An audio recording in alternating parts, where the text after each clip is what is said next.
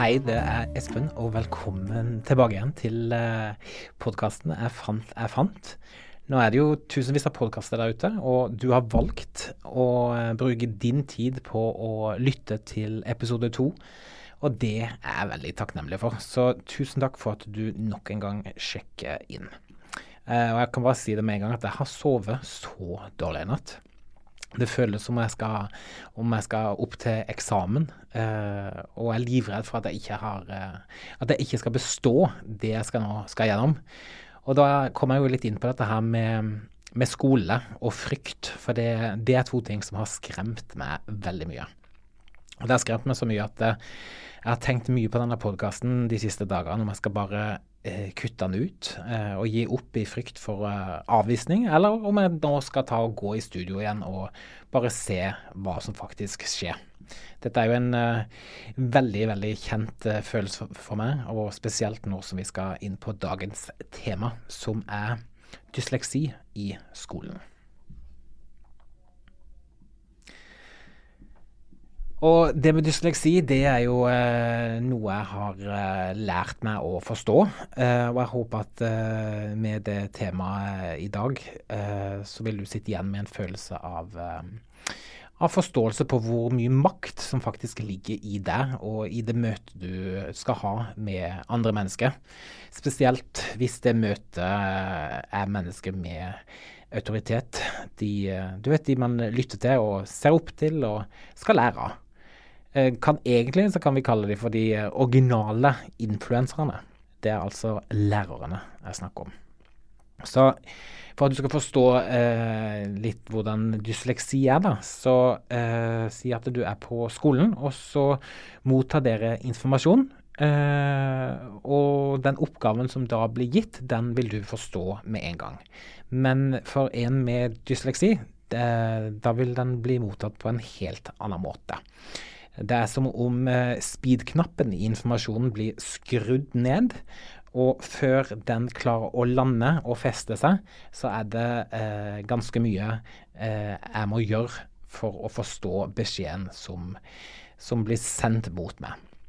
Så eh, det jeg må gjøre, er da å jeg må lese ting to ganger eller flere ganger for at ting skal feste seg. Og det viktigste av alt, så trenger jeg da å få et bilde i hodet av den informasjonen som kommer, sånn at uh, min kreativitet kan da eh, begynne å fungere. Og når den kommer, da er det som en sånn ekstrem eksplosjon. Eh, og det er noe med oss som har dysleksi, kan kalle for vår superkraft. Det er det er kun vi som, eh, som har han, og det syns jo jeg Jeg syns som barn at det var litt kult når jeg forsto det, og så syns jeg egentlig som voksen at det er ganske kult, uh, det også. Og det kan ikke helt uh, Jeg kan ikke beskrive uh, fordi det er, det er som en gave. det er vårt arbeidsverktøy i vårt lille, hemmelige arbeidsrom. Så uh, ja. Så den, uh, den, lille gaven der, den, uh, den, er jeg veldig takknemlig for, for, at jeg har. Og det er jo sånn at vi blir jo alle påvirka, og vi påvirker jo også alle andre med både meningene våre og holdningene våre og handlingene våre i hverdagen. Så det ligger ganske mye sårbarhet i det å skulle være synlig, og spesielt uh, hvis man er da et barn i en verden der man skal ha tillit til, til en voksen, og hvor vi som barn da er på en veldig, veldig sårbar reise. Fordi når man skal føle på tillit eh, for å være sårbare, så må man også klare å være sårbar for å kunne føle på tillit. Og det der er ikke en enkel oppgave, det tror jeg veldig mange der ute skjønner. Eh, fordi det finnes jo ikke noen sånn eh, tillitstest og ikke noen form for eh, poengsystem eller noe grønt lys som kan fortelle at eh, nå er det trygt for deg å gjøre deg synlig. Og når vi men mennesker da later som Når vi later som om vi kan unngå sårbarhet, så går vi ofte inn i det, det vi kaller for et nytt atferdsmønster, som ofte er i stikk strid med den personen vi har lyst til å være. Um, og den personen der, den har jo jeg vært stor del av livet mitt. Fordi sårbarhet for meg har vært veldig, veldig skummelt. Uh, og det er på, på, samme måte som med denne podkasten her. Jeg syns det er ganske sårbart å bruke stemmen min uh, og uh, fortelle om ting som er, ligger veldig personlig for meg, da. Men så tenker jeg jo også at etter dette her som skjedde med mamma, som dere kan høre om i episode én, så forstår dere jo at livet er ganske kort. Så her må man bare kaste seg ut i det man har lyst til å gjøre. Så hvorfor eh, ikke da begynne å lage nye spor i snøen. Og det er jo snø der ute, så da er det jo perfekt å begynne å tråkke opp i disse her nye sporene jeg lager her og nå. Men eh, jeg tenkte at vi kunne dra litt uh, tilbake i tid. Og denne gangen her skal vi til uh, en tid uh, hvor jeg egentlig skulle hatt tillit til alle. Men min sårbarhet var jo da på vei til å bli ganske moden eh, og klar for verden. Eh, men dessverre så var det, det var ingen der ute som så det, eller skjønte at eh, det jeg hadde mest behov for av alt, var jo å bli sett og forstått. Og vi er jo da i året 1990, og jeg har blitt ni år. Jeg hadde midtskille og var en uh, stolt eier av min aller første Umbro-genser. Madonna hun uh, toppa hitlistene med Vogue, og Roxette, den svenske flotte duoen der, de toppa også verden med å fortelle at uh, det må ha vært kjærlighet, eller it must have been love. Og mamma, hos sin realitet på uh, 1990 var da at hun hadde skilt seg for tredje gang. Hun hadde pakka med seg flyttelasset eh, i sin hvite Toyota Camry, hvis jeg husker riktig. Jeg tror det var det det var. Og sammen med oss tre barna var vi nå på, en, eh, på vei til en ny og spennende reisedestinasjon. Vi hadde ankommet Vennesla. 47.00 for å være nøyaktig. Og For dere som ikke helt vet hvor Vennesla ligger, så er det da sør i Norge, rett ved sida av eh, Kristiansand. Og vi er da kjent for eh, kirke og bedehus, og vi er faktisk den eh, tredje største bygda i Norge. Det er noe vi er veldig stolte av, og av den grunn der så kommer vi heller aldri til å bli en by. Så eh, her er vi patrioter og vil eh, bli i bygda. Mamma kjørte denne Toyotaen eh, sin gjennom gatene i Vennesla for uh, å se om hun kunne finne et nytt hjem til oss. Men for min del så uh, skulle dette her bli starten på min forståelse at jeg var nok ikke helt som alle andre. Men i mitt hode så var jo jeg ung. Jeg var ni år. Jeg var bare Espen. en sønn og en lillebror og en storbror til en lillesøster en uh, gutt som hadde mye, veldig mye energi, og var veldig, veldig leken.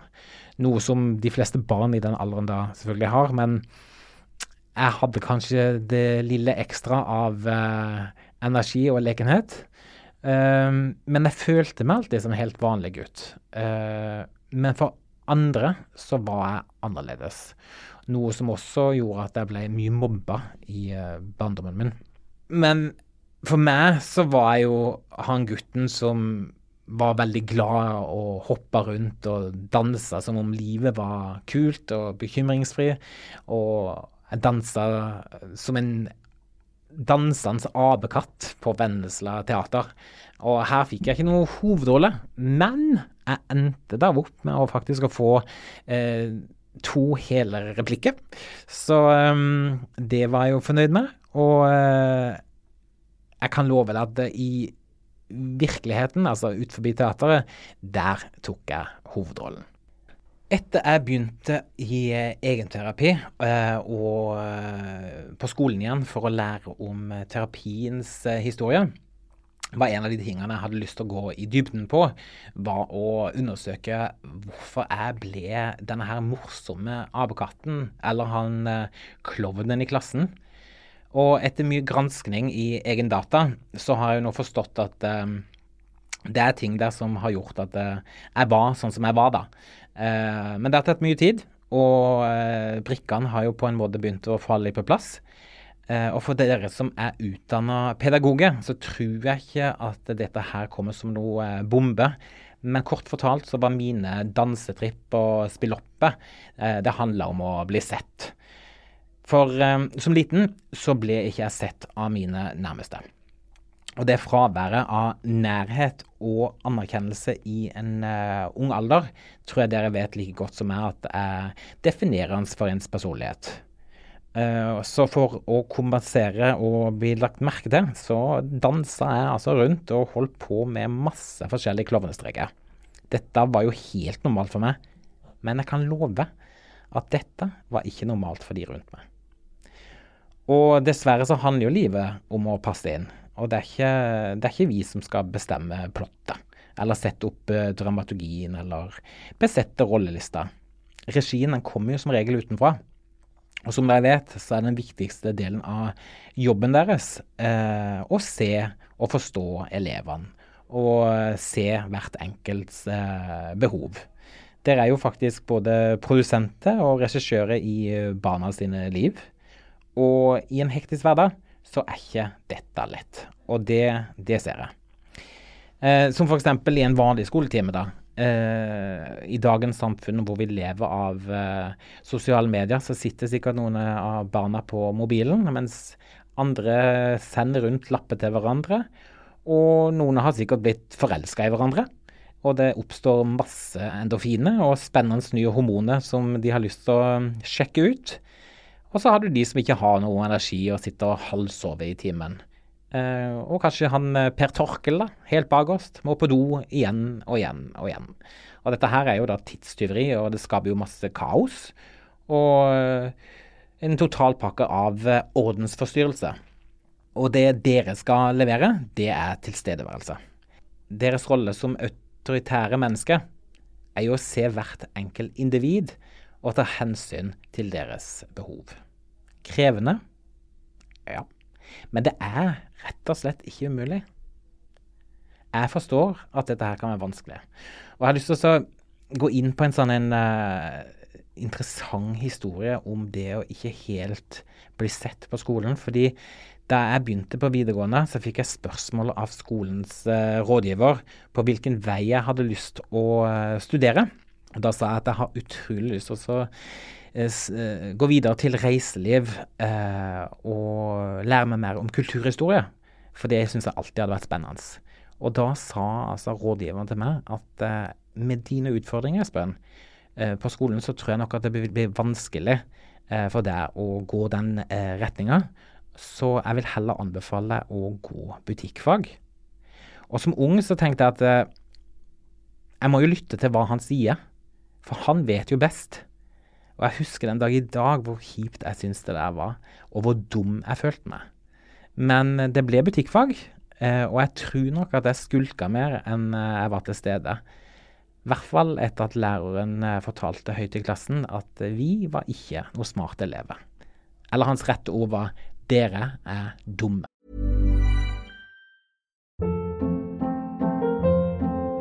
Hold up. What was that? Boring. No flavor. That was as bad as those leftovers you ate all week. Kiki Palmer here, and it's time to say hello to something fresh and guilt-free. Hello Fresh. Jazz up dinner with pecan-crusted chicken or garlic butter shrimp scampi. Now that's music to my mouth. Hello Fresh. Let's get this dinner party started. Discover all the delicious possibilities at hellofresh.com.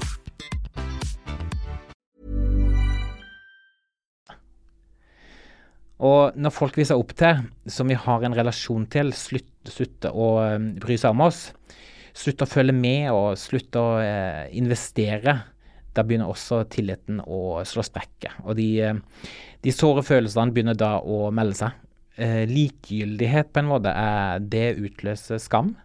Og da kommer vi mennesker til det vi frykter mest av alt. Frykten for å bli forlatt og bli sett på som mindreverdig. Og er det ikke da rart å tenke på at um, noen tiår etterpå så har jeg da gitt ut min andre bok, og den boka der den er da basert på reise med kulturhistorie. Noe jeg en gang ble fraråda å gjøre. Så husk at uh, sårbarhet uh, avler sårbarhet. Og det å ha mot til å gå den veien du selv ønsker, det er veldig smittsomt. Ja, i, eh, på 1990-tallet så var altså da ting ganske eh, utfordrende for meg på skolen. Noe som da også har vært et resultat at jeg mista mye av troen på, på, det der å ha tillit til, til folk. Og det har jo også gjort at jeg ikke har klart å åpne meg opp med min sårbarhet. Så nå som det er 2024, og selv om jeg har stagnert mye og holdt mye for meg selv, og holdt meg veldig tilbake for å tørre, så skjedde det noe i 2020. Og da tørte jeg å kaste meg tilbake igjen på, um, på, skolebenken. Og denne gangen her så var det for å studere terapiformen. Uh, og første dagen på denne skolen her så fikk jeg altså da panikk i timen. Og jeg begynte å hylgrine foran alle. Men her merka jeg at jeg fikk veldig støtte fra både lærer og eh, mine medelever. Og det var en, spesiell person der som jeg virkelig eh, fant en sånn trygghet i. Eh, og denne personen her har jeg da invitert eh, inn her i dag fordi hun faktisk jobber som lærer til vanlig. Så jeg lurer på hvordan det er for hun å jobbe som lærer i dagens samfunn, og hvorfor hun valgte nettopp den yrkesveien å gå. Ja, velkommen, Jenny. Takk. Takk. Syns du det er nifst å være her?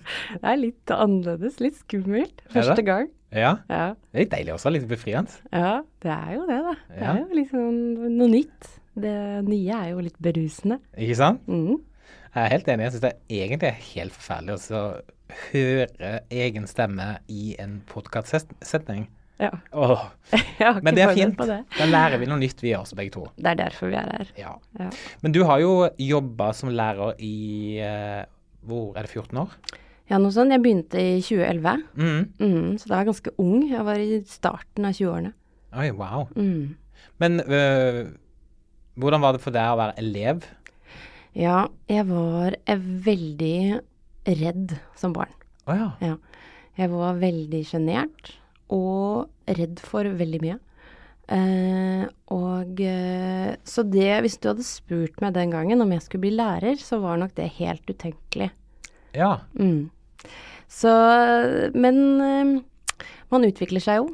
Man finner stemmen sin og i dag så syns jeg at den erfaringen som den som satt helt stille og håpet at ingen spurte om et spørsmål, aldri rakk opp hånda, eh, den erfaringen er ganske verdifull.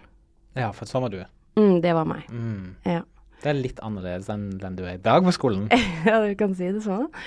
Eh, men den er der fortsatt, den lille sjenerte jenta. Ja. Uh, så hun er med, og jeg ser de jentene og guttene i klassen som er som det jeg var, veldig godt. Ja, hvordan er det? Det er eh, Jeg tenker at det er ganske viktig. Mm. For uh, hvis du er representerte uh, den klovnen, mm. eller den hoppende apekatten, så er det jo lett å ha øyne på han eller hun. Mm. Uh, men jobben som lærer er jo å huske på alle. Både de som høres og synes godt, og de som sitter helt stille på stolen.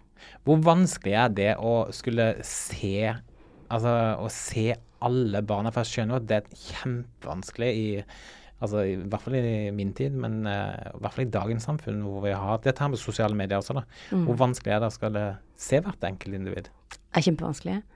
Uh, men det er jo også det som gir mening til jobben. Um, det å, å romme uh, alle de forskjellige barna og lage rommet stort nok til alle. Mm. Fordi jeg tenker at alle i en klasse har en viktig rolle. Og eh, at det er en del av jobben min å gi dem erfaring på å um, På å være litt Å prøve litt annerledes. Altså hvis du er en stille jente, så er det, har jeg så lyst til å bare få den stille jenta til å være med å danse på bordet. Mm. Og være litt gæren og bare kjenne litt på hvordan var det. Og også det å være en som har mye energi i kroppen. Gi han eller henne erfaringen av å finne ro. Ja. Eh, og, og, at det kan være godt, det også. Mm. Du kan, uh, kan, balansere mellom energi og stillstand. Mm. Mm. Men uh, Du har altså da eh, valgt å eh, Jeg må bare spørre, velger du, du velger selv hvilken klassetrinn du vil være lærer for? Mm. Ja. Ja. I dag så velger man enda tidligere. Eh, jeg oh, ja. er jo en lærer av den gamle skole, så Ja. jeg er det man kaller allmennlærer. Eh, så jeg kan i prinsippet undervise helt opp til videregående. ja.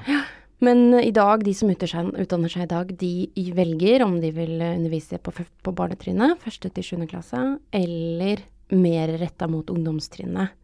Eller mot videregående, da, men da må man ta tillits, tilleggsutdanning. Mm. Ehm, så, så, men jeg har da valgt, uh, eller forstått kanskje mer at min kompetanse eh, ligger eh, i å undervise for de yngste barna. Mm, fordi De første, andre, tredje, fjerde, kanskje. Men uh, hvorfor føler du at din din kompetanse ligger der? Uh, det er jo litt med personlighet. Mm. Men det er der jeg syns det er aller mest utvikling. Det, det skjer så mye på det første året og de første årene.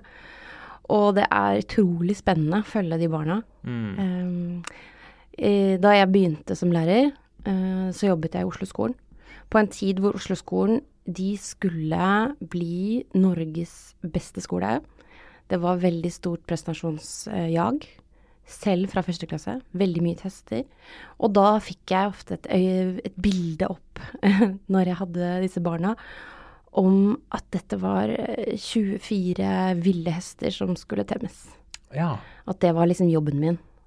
Eh, og det, det tror jeg mange som er lærere for første trinn kjenner igjen. Det at de må De skal sitte på plassen, de skal være stille.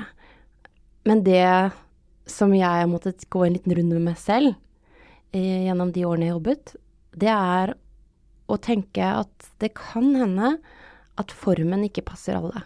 Mm. At formen må endres litt for, å, for at det skal gå for noen barn. Takk Gud for deg, Anne. Det er så viktig. Ja.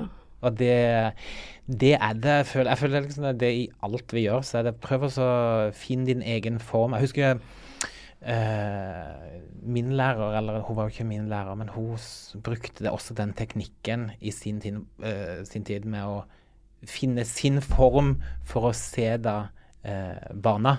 Og gikk litt utfor, eh, utenfor det som er, kanskje var lov. Men det, det, hjalp, eh, det hjalp meg da, i min, eh, min tid. ja. Jeg tror man må være et menneske inne i jobben, og da må man faktisk gjøre det på sin måte. Og finne sin måte. Um, så, så det som jeg har sett nå etter hvert, er at uh, behovet for aktivitet inn i klasserommet er superviktig. Og det gjelder ikke bare de sånn som du var, som har mye energi i kroppen, men det gjelder alle. For aktivitet iverksetter læring. Så, 100%. ja, så, så i mine timer så prøver vi å ha alltid eh, noe læringsaktiviteter, hvor vi kan bruke kroppen også. Mm. Ikke bare sitte ved plassen. Jeg hater det begrepet. Sitte ved plassen, sitte stille. Strengt. Det er veldig strengt, Mm. og det er veldig utdatert. Ja, helt enig. Jeg kjenner det når vi er på kurs eller sitter på møter. Etter fire, 45 minutter, da er det ikke mer eh, sitte stille på meg. Nei. Og så tenker jeg at de seksåringene skal klare det i time etter time. Det er helt koko banan. Altså. Da er det ikke hun stille Jenny fra barneskolen lenger. Nei, nå er det noen som skal ut. Ja, da kommer det ut. Da kommer ut. Men har du noen gang hatt um, Har du noen gang hatt noen lærere selv som på en måte du har følt på kanskje ikke skulle vært lærere? Ja, det er jo som du sier at man husker godt de eh, dårlige lærerne, som du fortalte om. Og man husker de gode lærerne. De er lagres. Eh, før jeg begynte å utdanne meg, så jobbet jeg som vikar på en skole. Jeg fikk en fast vikarstilling på første trinn, eh, sammen med ei dame som hadde jobba på første trinn i mange år. Jeg fikk høre at hun var veldig erfaren. Eh, dessverre så var hun også veldig dårlig Ja. til å være lærer på første trinn. På hvilken måte? Hun var, eh, rett, satt, sagt rett ut, drittlei jobben. Ja. Mm. og, og hun eh, var, hadde en utrolig autoritær måte å ta disse bitte små barna på fem og et halvt år Og eh, de skulle knekkes. Jeg husker hun sa at de skulle temmes, og de skulle bøyes og bendes inn Oi, oi, oi, oi. i skolesystemet. og da skjønner du at det kan vel ikke være den beste måten å møte 24 ville hester som bare har lyst til å løpe i skogen. Mm, mm. Så det var ganske smertelig å se på. Og det som gjorde mest inntrykk eh, på meg, var å se For jeg var med denne klassen et halvt år, fra, fra starten av første. Og jeg så hvordan disse barna gradvis, dag for dag, sloknet i øynene. Mm. Og de satt stillere, Stakkar. men læringslysten forsvant også. Ja. Mm. Eh, og noen, noen av de barna begynte å rømme. Allerede i første. Oh, ja. Begynte å rømme fra klasserommet. Oi. Ville ikke komme inn, skulka unna. Uh, mitt mål er at barna har lyst til å være i klasserommet. Det skal være et sted hvor vi har det fint sammen. Og uh, da er ikke det samsvar overens med at man er redd for læreren, eller man hater å sitte stille. Det er kjedelig bare gjøre det samme. Det går ikke. Mm, mm. Så, så denne, dette møtet med den læreren, det gjorde så mye inntrykk på meg at jeg fant ut jeg må bli lærer selv. Og redde noen av barna. Ja, takk Gud for det. Høres kanskje litt uh, arrogant ut, men eh, jeg tenker at uh, hvis jeg kan være et motstykke til én dårlig lærer, så vil det ha ganske stor effekt på ganske mange barn. Helt enig. Flere av den type lærere er enig. Veldig bra. Du, ehm, vi har jo sånn i uh, uh, Du snakker jo litt om det også, at du liker litt å leke litt i klasserommet og sånne ting. Men hvis du kunne ha bytta ut noe fag på skolen for å sette inn noe du kanskje føler er viktigere i uh, dagens samfunn, som de kunne ha lært, hva føler du det kunne ha vært? Ja, nå er det jo sånn da, Espen, at Ja. lærerplanen har jo endra seg Mm. en del. Så det, det, begynner, det som har endra seg, er at fag er på en måte litt ut. Ja, Og inn er det kommet mer tverrfaglige prosjekter. OK. Hvor man eh, også har stor vekt på f.eks. Eh, medborgerskap, demokrati Ja. og en del slike grunnleggende tanker som er liksom grunnmur i vårt samfunn. Mm. Som man skal da gjennom undervisningen vise elevene har en plass i fagene. Eller at fagene er forankret med samfunnet. Ja. Og det er jo en veldig fin tanke, tenker jeg. Det må være en kortere link mellom det som læres på skolen, og det som skjer utenfor skolen. Mm. Um, men det er ganske krevende ja. å få det til. Hva med, hva med Det er mye snakk om mental helse. Mm. Er det mye snakk om mental helse i, altså på skolen? Nå har jo du små barn i din klasse, men det er jo fortsatt mental helse. Absolutt, ja. Um, det er eh, Det er mer snakk om det, Mm. Uh, med følelser og at det blir satt ord på ulike ting. Mm. Uh, men det er kanskje det den nye læreplanen har gjort, er jo at det, det er mer opp til hver enkelt lærer okay. hvordan det gjøres. Og Ja. da tenker jeg at det er fint med den type frihet, Mm. men det kan også bli mindre um, sikkert. At det, kommer an på hva den læreren er opptatt av. Mm. Mm. Så um, jeg tror ikke det vedkommende jeg jobbet med i første klasse der, jeg tror hun er pensjonert nå, men jeg tror ikke hun hadde tatt inn mental helse inn i sitt klasserom. Nei, jeg hadde gjort det. Ja, det, hadde jeg det tror jeg du hadde. Ja. Det er veldig viktig. Uh, ja.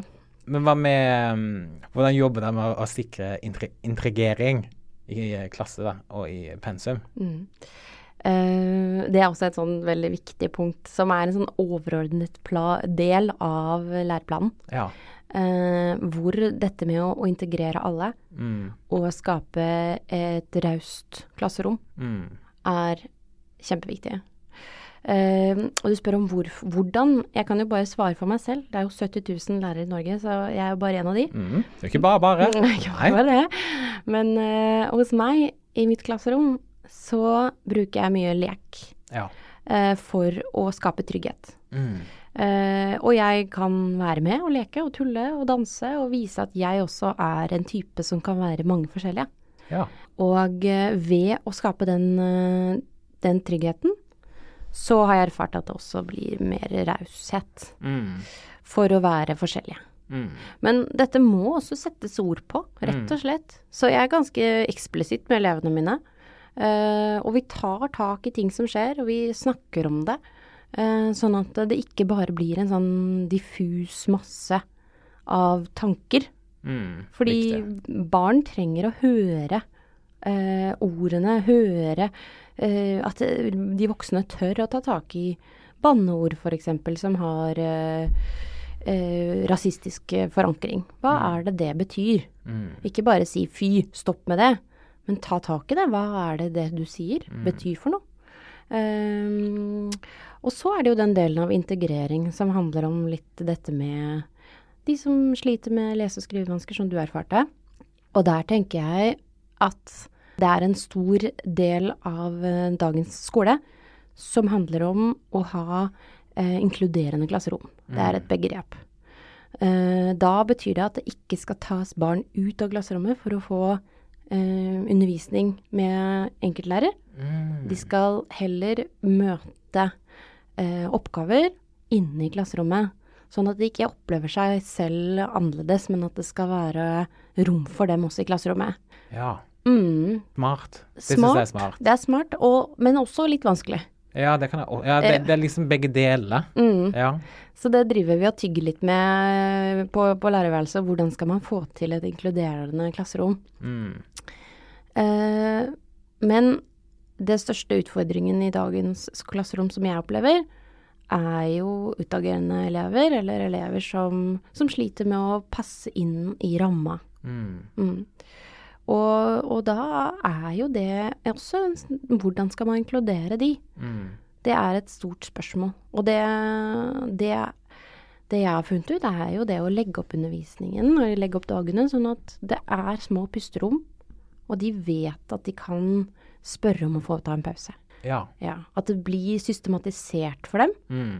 Um, at de, de, det er ikke feil at de trenger å ta en pause, det er bare at kroppen deres funker på den måten. Mm. Mm. Og det kan, eh, det kan jeg hjelpe dem med. At vi skal sammen. At vi er liksom et lag rundt dem. Mm. Mm. Jeg liker å snakke om eh, laget rundt eleven. Og det handler om at vi står sammen. Ikke bare jeg og eleven, men også foreldrene. Og også helsesykepleiere, og også SFO. At vi, at, vi, at vi snakker sammen, og at vi sammen hjelper det barnet å få best utnytte sine ressurser. Mm. Fantastisk eh, informasjon. Det er mye her ikke jeg vet. Så det er godt at du kom og legger ord eh, på det. Men eh, før vi avslutter, så er jeg jo litt eh, nysgjerrig på Jeg er nysgjerrig på én ting. For det, og det er, no, det er en plass ingen av oss får lov til å gå. Hvordan er det på lærerværelset? Ja, det kan du ikke få vite. Nei? Nei da, det er ikke så veldig annerledes enn andre arbeidsplasser, tror jeg. Nei. Det er mye tull og fjoll og Ja. ja. Eh, Det er jo et sted å få ut litt frustrasjon innimellom. Og eh, dele erfaringer og kanskje snakke om helt andre ting. Realityserier osv. Ja. Bare for å av, av eh, koble litt. En plass for å få tømt uh, sinnet litt. Ja, det kan hende, det. Ja. Kan du avslutte med én ting for meg, hvis jeg sier hva er Avslutt denne settingen her. Sårbarhet er Mm, sårbarhet er å være modig. Ja, Mm, for meg er det det. veldig fint. Du er veldig modig. I like måte. Takk for at du ville komme, Jenny. Takk for at jeg fikk komme. Jeg har lyst til å gi deg en liten oppgave. Eh, så hvis du er ute og kjører bil og hører på meg i bilen, så ikke lukk øynene. Men hvis du har muligheten til å lukke øynene, så gjør du det. Og så, eh, for du som kjører bil, se rett fram, men eh, du kan prøve å være med. Så tar du deg et dypt pust. Jeg kan gjøre det med dere. Puste godt ned, og så vil jeg at du skal se for deg en vegg. Og på den veggen der så er det altså da en hylle. Den hylla der, den kan du velge hvordan den ser ut, eh, velge hvilken farge den har. Men det viktigste av alt er at du nå skal få lov til å plassere de fem viktigste menneskene i livet ditt på den hylla.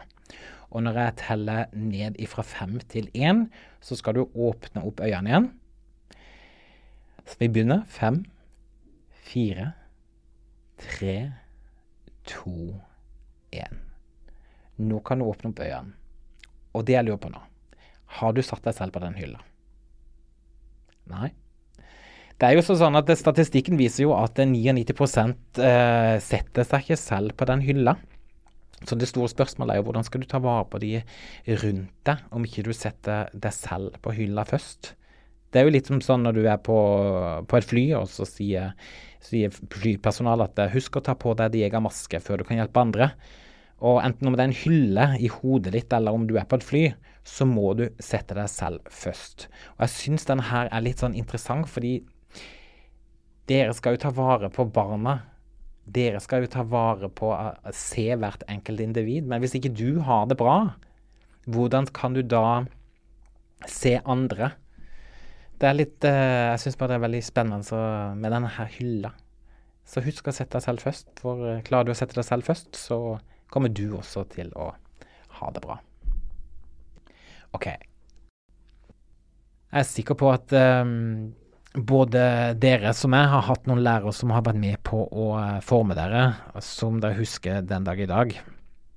Uh, og den dag i dag så syns jeg jo det er litt merkelig at det var ingen som tok tak i mine utfordringer. Fordi med både ordblindhet og dysleksi i skolesekken, uh, så var jeg også uh, en oppmerksom, oppmerksomhetssyk apekatt.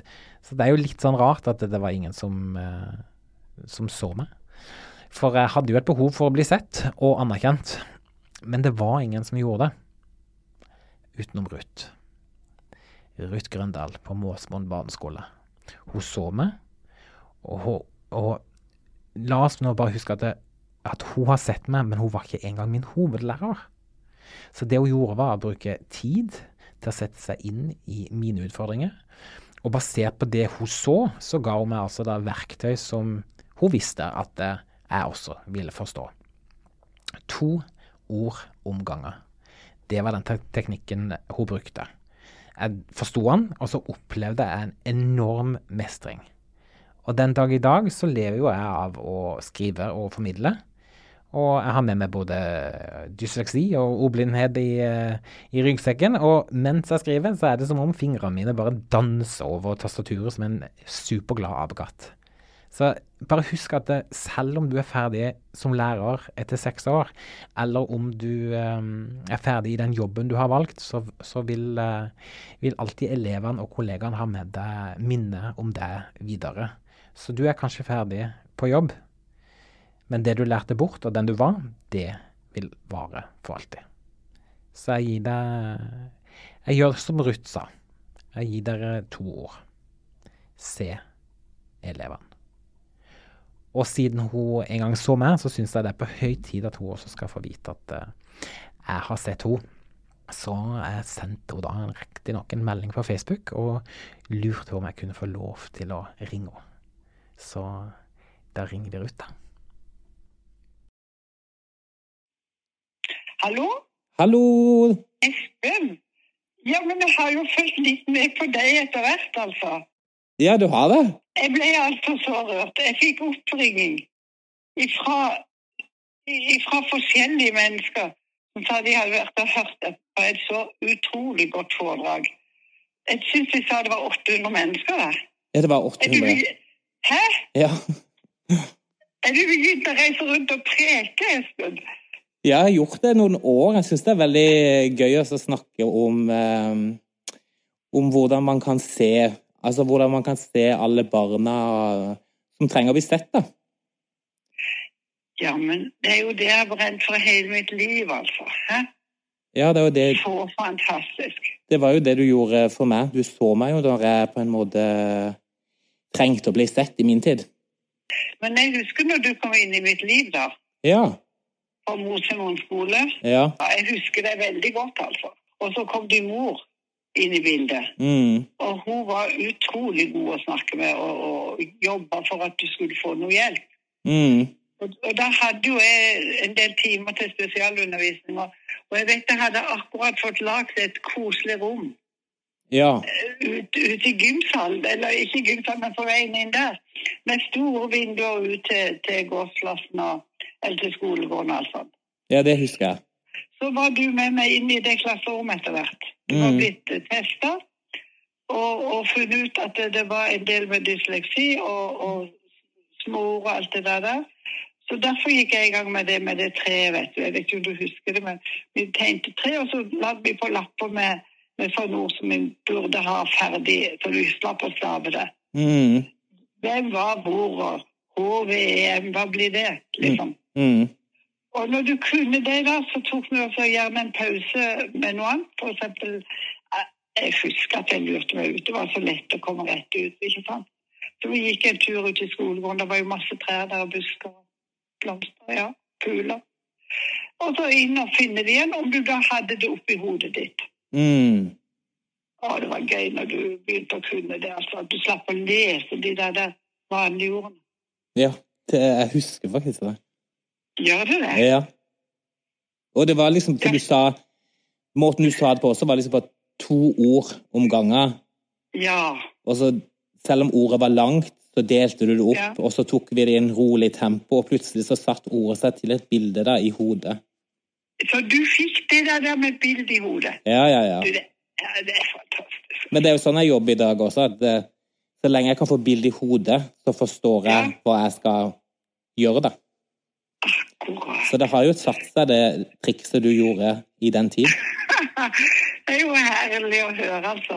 Mm. Men, eh, men dette med språk har du altså virkelig gått i gang med å, å følge ut at du bruker både det du lærer, det, og så formidle det videre. Ja, det er jo min måte å formidle på, tror jeg. At eh, jeg har alltid vært bedre på å skrive ting ned, men ikke dele det. Og når jeg da har begynt å dele ting, så kommer responsen på at folk kan kjenne seg igjen. At du har greid å gjennomføre det. Altså, jeg husker jeg fikk oppringning av noen som hadde lest om eh, Ruth Grøndahl i, i VG. Ja. Og og det er det flere år siden. Så sendte hun opp til meg, tok hun bilder og sendte opp til meg. Og så, Det ble jo Espen, liksom. Og, og da, da begynte du altså med en gang å, å få fram folk. Jeg, jeg beundrer deg, for det det har vært noe av det drømmen min. ja. Å gjøre med andre. Ja, og det har du klart. Ja, Da var det jo du som hadde klart det. Men jeg hadde ikke klart det uten du. Herlighet. Bare Ja vel. Så ta det til deg. Du har gjort en god jobb. Det er nok ikke bare meg som har fått Nei, nei, men det har vært så viktig for meg å være en Det er så viktig for meg å se elever.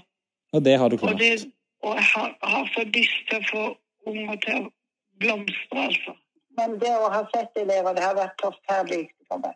At folk skulle føle seg trygge som denne apekattungen.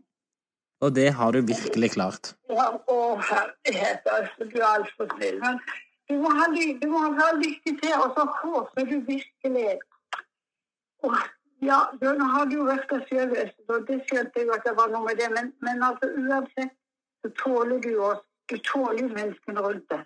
Ja, altså, jeg bare sier tusen takk.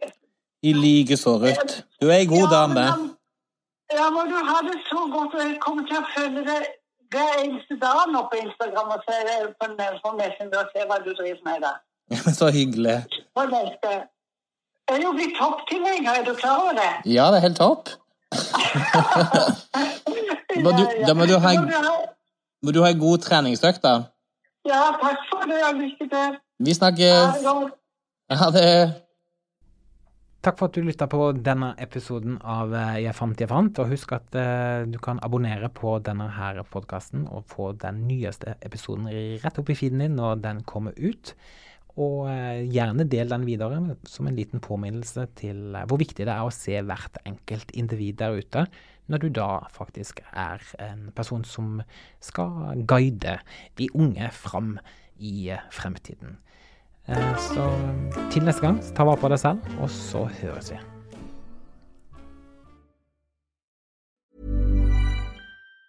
Ever a row? Well, HelloFresh is your guilt-free dream come true, baby. It's me, Kiki Palmer. Let's wake up those taste buds with hot, juicy pecan-crusted chicken or garlic butter shrimp scampi. Mm. Hello Fresh. Stop dreaming of all the delicious possibilities and dig in at HelloFresh.com. Let's get this dinner party started.